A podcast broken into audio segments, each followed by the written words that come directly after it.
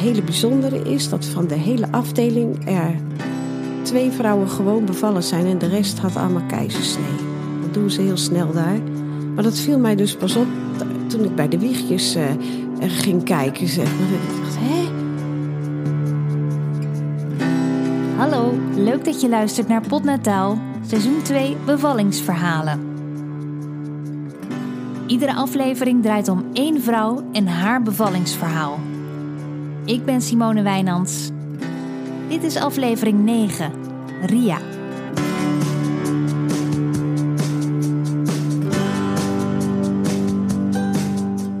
Ik ben Ria Dingjan. Ik uh, woon in Soest. Ben pedagogisch medewerker op kinderdagverblijf De Boerderij. Ben be uh, bevallen in Chicago van onze dochter 30 augustus 1982. Als je Ria hoort, dan denk je meteen: ik luister naar een lieve oma. En dat lijkt niet alleen zo, dat is ook zo. Ria is een van de leidsters op het kinderdagverblijf van mijn dochter en zo ken ik haar dus. Inmiddels woont ze alweer jaren vast in Nederland, maar vanwege het werk van haar man voor een kerkgenootschap heeft Ria in verschillende landen gewoond met haar gezin.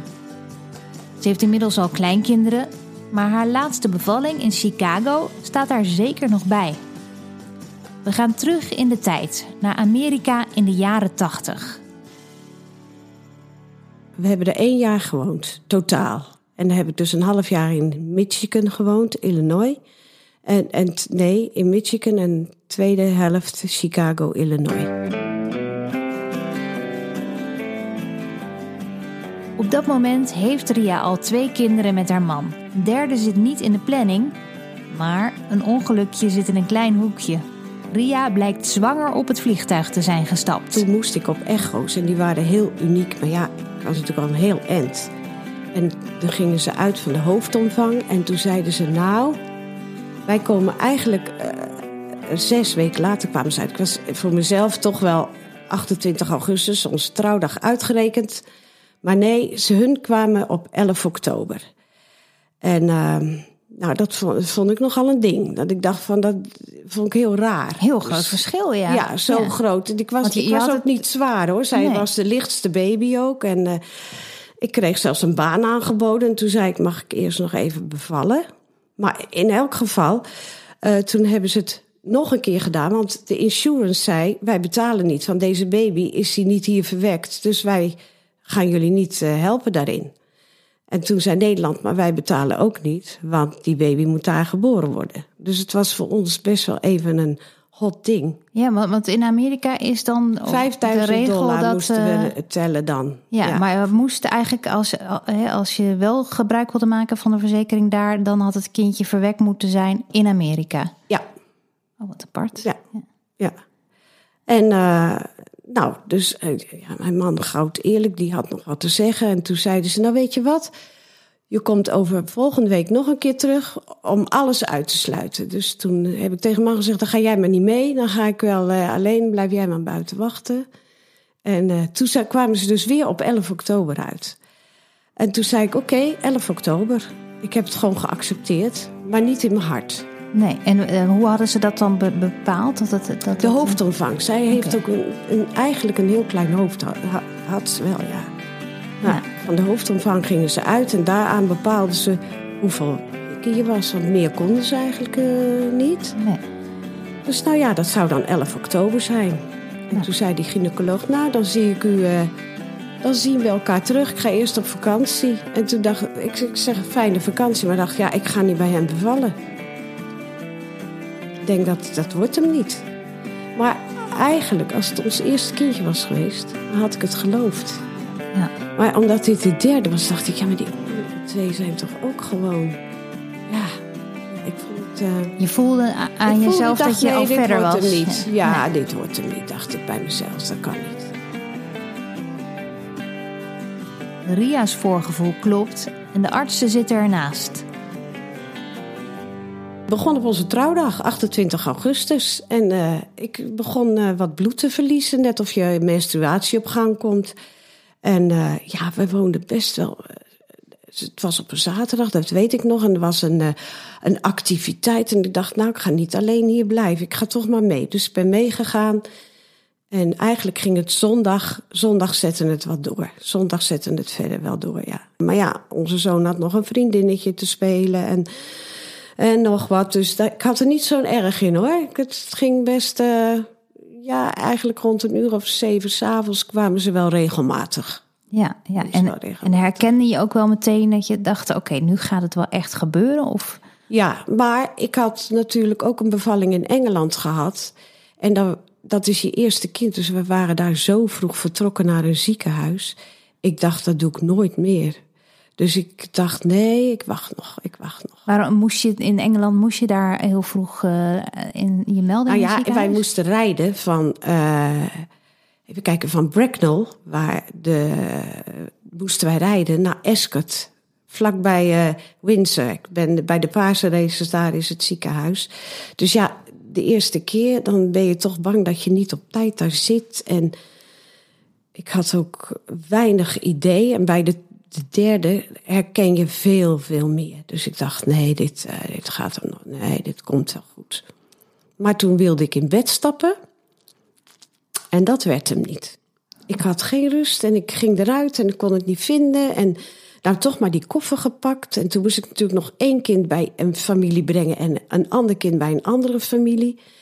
Nou, en mijn zoon vond het vreselijk, ons zoontje, want die mocht altijd mee met al die check-ups. En nu was het zover en dan moest ik hem wegbrengen. En kennen jullie wel al een beetje Hadden mensen wel van tevoren al geregeld dat mocht het zover zijn, dan kon ik, uh, bracht ik de dochter bij de een en de zoon bij, bij, uh, ja, bij de ander. Ja, want dat lijkt me dan heel gek dat je in een, in een vreemd land bent, in zo'n groot land ook, waar je misschien nog niet helemaal je weg kunt vinden. En, dat je dan opeens zoiets groots mee moet gaan maken daar als een bevalling.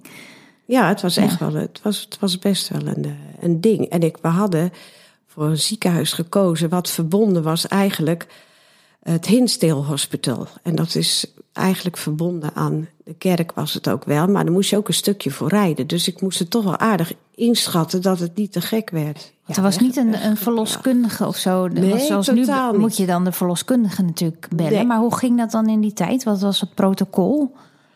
Was er niet. Op eigen idee moest je dan maar naar dat ziekenhuis. Zo heb ik het gedaan. Ja, ik ben op eigen, vooral ook uh, bij de laatste check-up werd ook helemaal niet, omdat ze zeiden 11 oktober, dacht niemand natuurlijk van, die staat volgende week op de stoep of zo. Dus ik heb het eigenlijk gewoon puur op, puur op gevoel gedaan. De kinderen zijn opgevangen. Ria heeft haar koffer gepakt.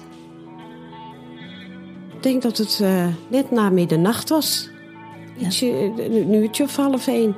En uh, was het waarschijnlijk wel rustiger op de weg. Dat wel. Chicago is natuurlijk niet echt uh, te vergelijken met uh, de rustige straten van Soest, nee. zeg maar. Nee, nee, nee, nee, nee, nee, dat klopt. En, maar waar ik ging bevallen was wel een, ja, hoe noem je het, een beetje een, een soort slaapstad van Chicago, zeg maar. Een beetje dorp steeds het aan. Ja, ja, ja. En het ziekenhuis was ook, dat vond ik dus wel heel bijzonder voor die tijd het ziekenhuis was uh, alsof je in een soort uh, ja, gezellig uh, woonkamer-idee kwam. Behang op de muur en zo. Dat was wel super. Het was niet zo klinisch, want daar was ik heel huiverig voor, want dat was in Engeland heel erg. Maar dat viel daar dus. het was daar wel heel erg ja, op je gemak. Geen, geen witte muren en, nee, en nee, nee, nee. Ja, tot het zover was hoor. Als je dan uh, tegen de tijd dat, uh, dat er geperst moest worden en zo, dan weet je dus nog, moest je nog gauw naar een andere kamer toe, waar het dus wel zo was. Oké. Ze meldt zich bij de balie van het ziekenhuis aan en loopt dan rustig naar de aangewezen bevalkamer. De weeën komen ongeveer om de drie minuten. Ik werd dus bij, ik werd inderdaad in die, die kamer gebracht en dan gecheckt. Uh, dan word je wel aan de hartmonitor natuurlijk geleid. Dat kreeg zo'n belt ook om. Hartslag kunnen zien. Was het moderner dan in een Nederlands ziekenhuis in die tijd? Ik denk dit wel.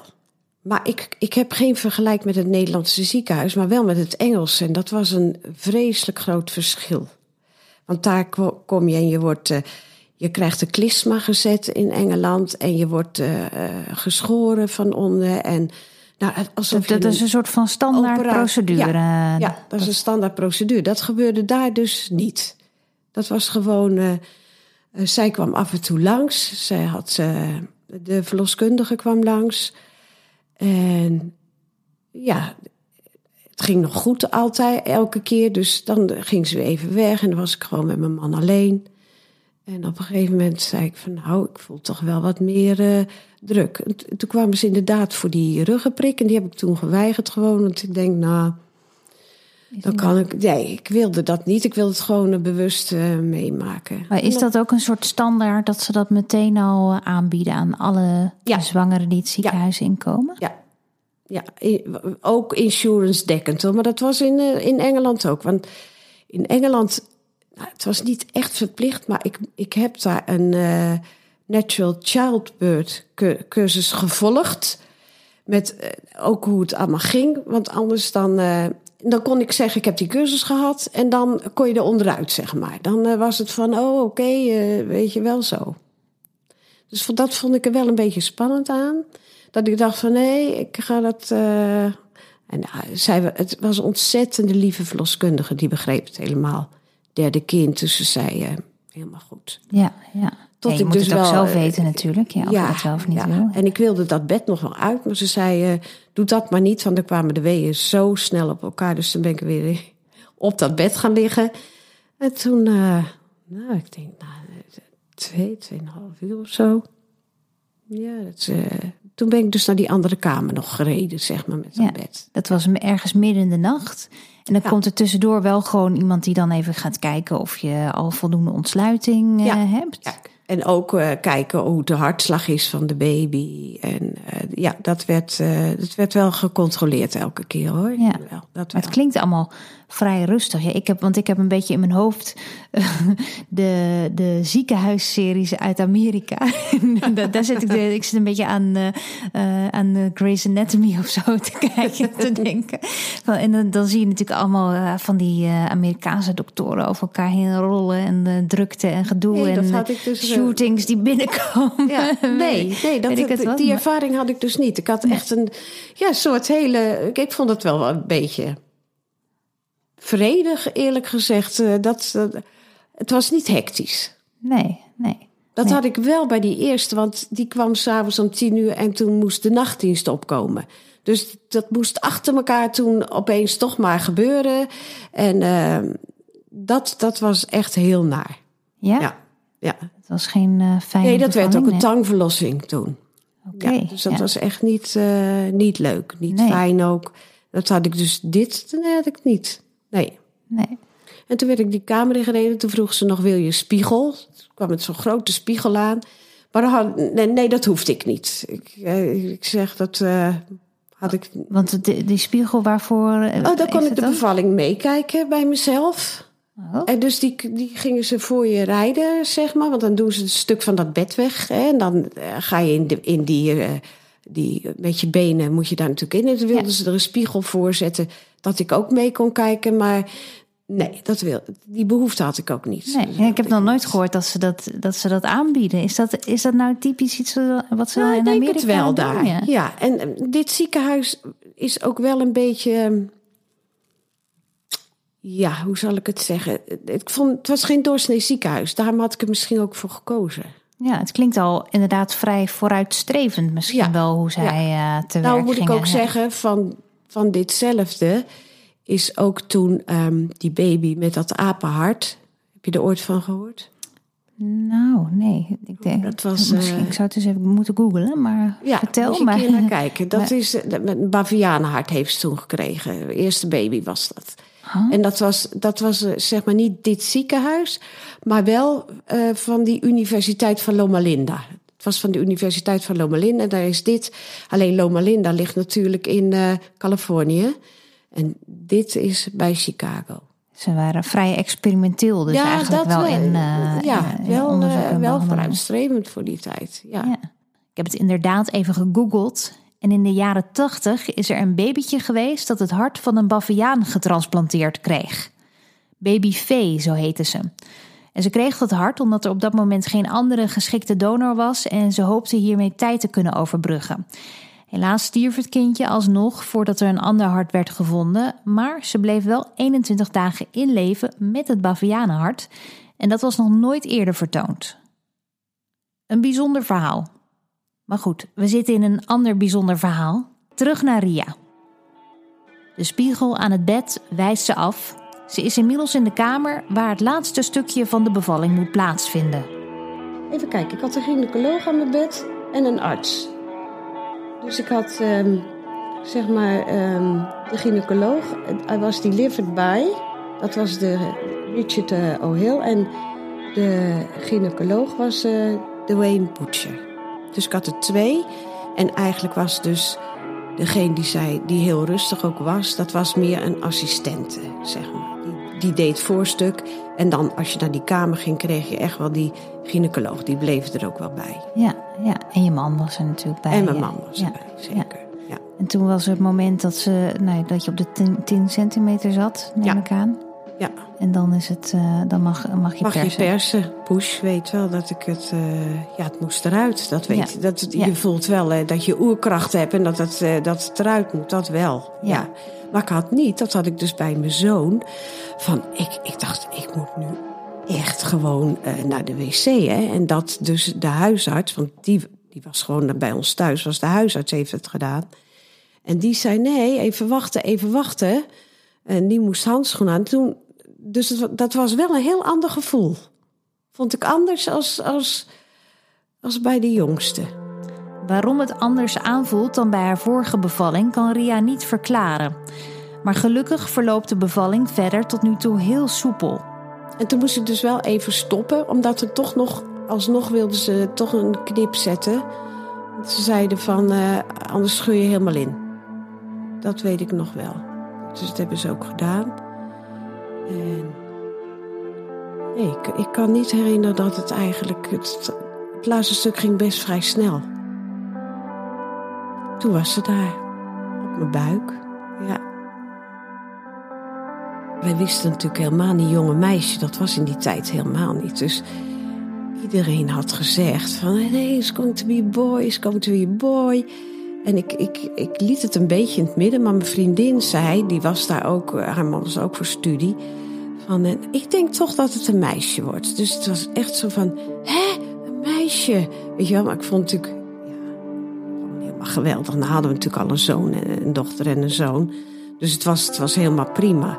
Het was alleen echt een, ja, een big surprise. Dit, dit was echt wel een verrassingsbaby. Dus was wel heel bijzonder. Want hoeveel leeftijdsverschil zit er tussen de andere twee? Tabita was, uh, even kijken, die is van 76 en zij is van 82. En dan nog Remco, die was van 78, dus dat is vijf en een half jaar tussen zo'n beetje.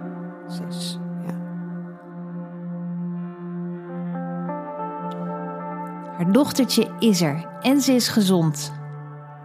Maar in een Amerikaans ziekenhuis in de jaren 80 gaat het er toch wat anders aan toe dan hoe we het nu gewend zijn.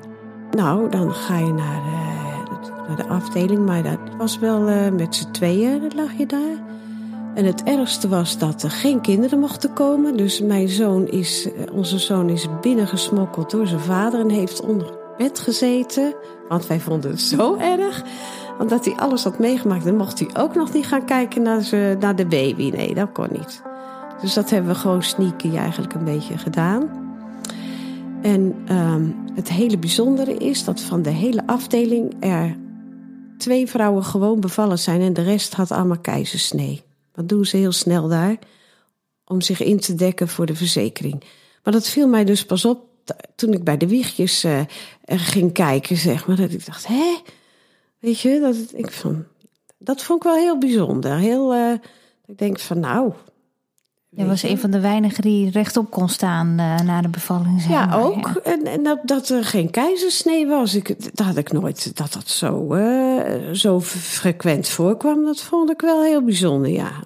Dus ben ik wel even gaan vragen hoe dat nou zat. Ja, ja. ja.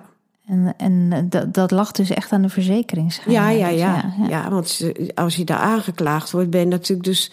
Ze doen heel snel om, om in te dekken, doen ze dat. Ja, ja. Maar jij was blij natuurlijk dat dat niet uh, gebeurd was. Uh, nee, jullie, ja. nee, daar was ik, uh, was ik eigenlijk wel heel blij mee. Ja. ja. ja. En hoe, hoe gaat het dan vervolgens? Nou, je krijgt daar drie dagen en dan sta je in huis met niks. Komt niemand meer kijken.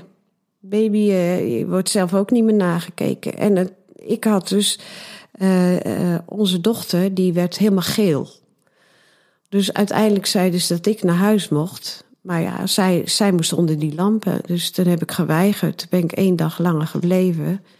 En uh, tot, zij, tot haar uh, gehalte weer goed was. En zij mee mocht. En uh, toen zijn we naar huis gegaan. Maar wat, er is wat had nooit... ze precies? Wat is dat dan? Jaundice noemen ze dat. Een, geel, een soort geelzucht in de lever. Ik heb het nog hier. Volgens mij heb ik het. Ik heb al. Even kijken hoor. Nou, hier was. Ria rommelt wat in de oude papieren die ze mee heeft gebracht. En dat is ook iets bijzonders. Zodra ze geboren zijn, gaan de voetjes hierop en de duimen van de moeder dat de baby's niet verwisseld worden. Oh joh, mag je eens uh, vasthouden? Ja. Bijzonder zeg. Ja. deze kreeg ik dan nog mee voor het babyboek, maar dat is echt haar, haar geboortecertificaat, zeg maar. Dat, uh, ja. Maar de, het gek is natuurlijk, ja, ze kunnen een vingerafdruk kunnen ze natuurlijk nog wel weer uh, checken, maar ze groeien natuurlijk zo snel die voetjes. Dat, dat, is, dat klopt ja, dan al zijn ook meer. nog, maar ik heb er in haar babyboek ook nog een paar later. Ik heb zo'n plakkaatje mee naar huis gevraagd. Ja. Toen heb ik het nog eens een keer gedaan toen ze groter was. En dan zie je al echt. Uh, is hartstikke leuk om te hebben ook, uh, volgens mij, toch? Zo, zo het is heel bijzonder. Ja, heel maar bijzonder. Ik had het, ik, we hadden het ook wel nodig. Ja. Toen zij dus ging trouwen. Maar de, het telde niet. Het mag maar een jaar geldig zijn. Dus de apostille die erop zit. Want wij dachten, we nemen er wel een stuk of tien mee. Dat is altijd handig. Uiteindelijk hebben we een professor is voor ons naar Chicago gereden. En het was net voor ze trouwden dat we het hadden. Want waar, waarom Mag is ze niet dan, trouwen? Dat ze in Amerika is geboren. Is natuurlijk Amerikaanse nationaliteit. Uh... Oké. Okay. Ja. Maar, en, maar waarvoor is dan zo'n uh, zo'n apostie van belang? hoe, zit, hoe de, zit dat de, de vers, dit, ja? dit, dat, moet dus, dat mag niet ouder zijn dan een jaar. Dus die moet je steeds opnieuw eigenlijk, eigenlijk steeds vernieuwen? Eigenlijk dus, dus wel, ja. Je hele leven lang? Nou, ja. als voor officiële documenten. En ik dacht, nou, als we de tien meenemen, wisten wij veel. Ja. Dat is oké. Okay. Maar dat, voor een huwelijk was dat dus niet oké. Okay. Oh. Nee. nee. Wat stom zeg. Ja. ja. En is dat nog steeds zo? Of is dat, was dat echt alleen in die uh, tijd? Nee, het, het valt niet mee. En zeker nu niet. Want eigenlijk wil ze van die Amerikaanse nationaliteit af.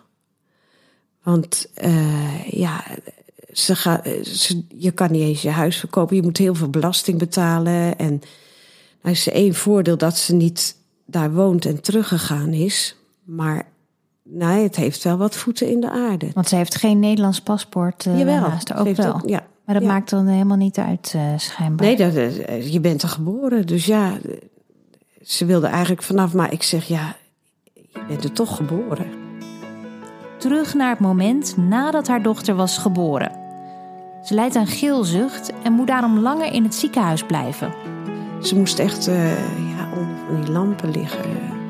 Wel. Toen, nou, ik kon het heel goed handelen tot zij onder die lampen ging. Toen ben ik gaan huilen. Zo erg.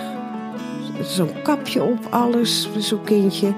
Nee, dat vond ik echt zo moeilijk. Dat, uh, en toen ja. wilde ze je eigenlijk naar huis sturen. Dus. Ja, ook dat nog. En ik had geen moeder in de buurt, niks. Dat vond ik, uh, ja, dat was wel even een ding hoor. Na drie dagen mogen ze gelukkig naar huis. Maar thuis wacht er geen kraamhulp. Toch zijn ze in goede handen. Nou, dat is heel fijn, want we wonen in een appartement. En dat waren nog meer uh, die hun afstudeerproject daar deden. Dus dat was heel fijn. Ik woonde naast iemand, uh, zij was zelf verpleegkundige. Dus haar dochtertje was ook wezen spelen bij mijn zoontje toen ik die weeën had. Dus ze zei, kom maar. En zij kookte ook. Zij bracht het eten, hartstikke lief. En na drie weken kwamen, kwamen mijn ouders. Dus het was wel heel fijn. Ja, had je daar in ieder geval ja. uh, steun ja. aan. Ja. En hoe gaat het nu met uh, je dochter? Ja, heel goed. Ze werkt zelfs voor een Amerikaans bedrijf. Dat, dus dat is het punt. Het gaat heel goed. Ja. Ze is er niet van afgekomen van die Amerikaanse inslag. Uh. Nee, ze is, het, het was wel eentje. Ze was wel als kind wel, vond ik uh, veel oorontsteking. En ja, dat nog wel. Wel een beetje maar, Ja, amandelen eruit. Uiteindelijk zijn haar amandelen eruit gaan toen ze vier was. En toen is ze super opgeknapt. ja. En inmiddels dus al oma. Ja, ze heeft zelf nu drie dochters. Ja, drie meisjes. Ja, ja nu ben ik dus oma, ja. Bijzonder hoor, ja. ja. En want je, je hebt drie keer een bevalling dus meegemaakt. Deze was dan in Chicago, de andere in Engeland. En waar was de derde?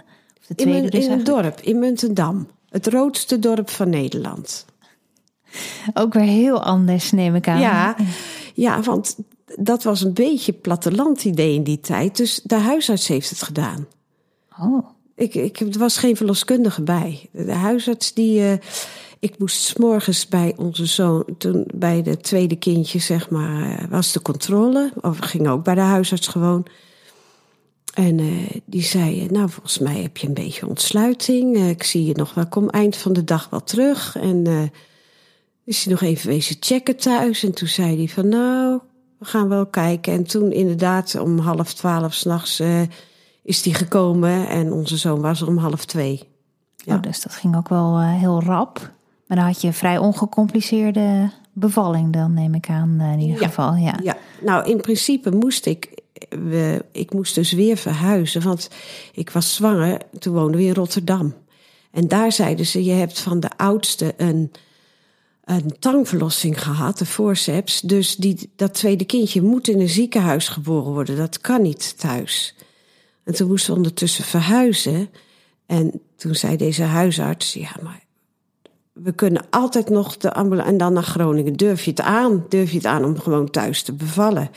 Ik, ik denk dat ik heel uh, naïef. Ik, ja, ik durfde dat wel aan.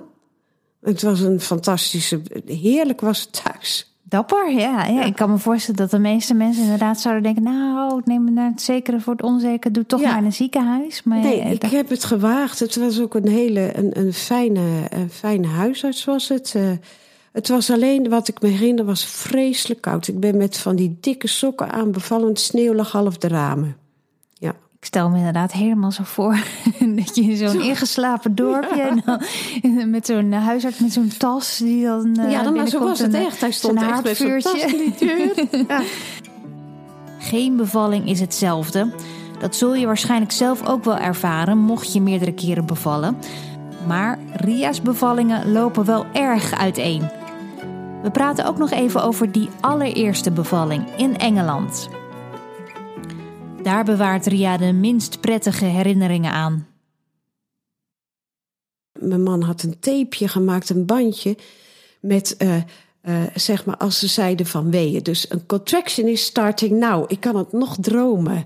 Zo, take a deep breath and hold up. En het hele verhaal zo zat in mijn hoofd gepland. Dus ik dacht het wel keurig te kunnen eigenlijk te doen. En dat liep dus eigenlijk heel anders. En heb ik best wel ja, ik was het denk ik kwijt toen onze zoon geboren werd. Dat ik dacht van, oh, zo, zo, kan, het, zo kan het dus ook. Ja, ja, dat was gewoon niet. Lag dat dan aan de mensen daar of aan het systeem? Aan het systeem denk ik ook wel, ja. Want je had een midwife en daar ging je voor de check-ups. Maar in dat ziekenhuis zag je compleet die midwife niet meer. Dan kwam je toch weer bij, bij artsen terecht. Maar je, en je moest daar wel bevallen.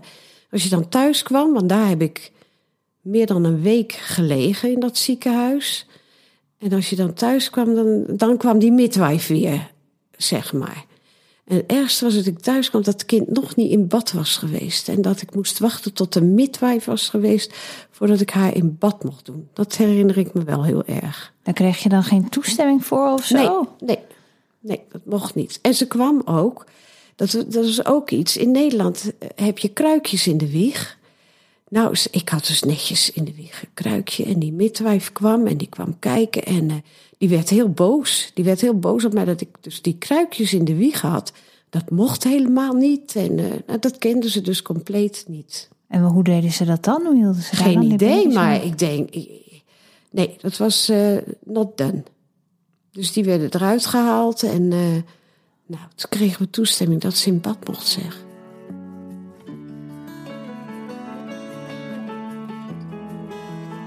Hoewel er door de jaren heen heel veel dingen zijn veranderd, blijven sommige dingen altijd hetzelfde. Zoals het invullen en inplakken van boekjes over die begintijd. Bij mij slingert er ook nog steeds van alles rond en dat is bij Ria niet anders. Ik heb dus wel al, elke keer denk ik... Alles bewaard. Ja, nog inplakken, ik moet nog inplakken. Oh, dus dat is. dat, dat herken ik wel. Ja, ik heb wel een heel babyboek gemaakt voor haar met foto's, zodat ze het weet. Ja. Maar alles invullen, ja, dat moet ik dus hier gewoon nog op doen. Denk ik, oh ja, dat komt nog, dat komt nog. En uh, ja, dan komt er weer wat tussen. Kleinkinderen en zo, ja. Ja, dan, dan heb je het gewoon heel druk. Waar had ik het nou hier? Hier denk ik, ja. Tussen de oude papieren tovert ze het geboortekaartje tevoorschijn van haar dochter, die in Chicago werd geboren. Die tekst paste precies eigenlijk bij hoe, um, hoe wij mijn man en ik ons voelden ook. Je hoorde het verhaal van Ria.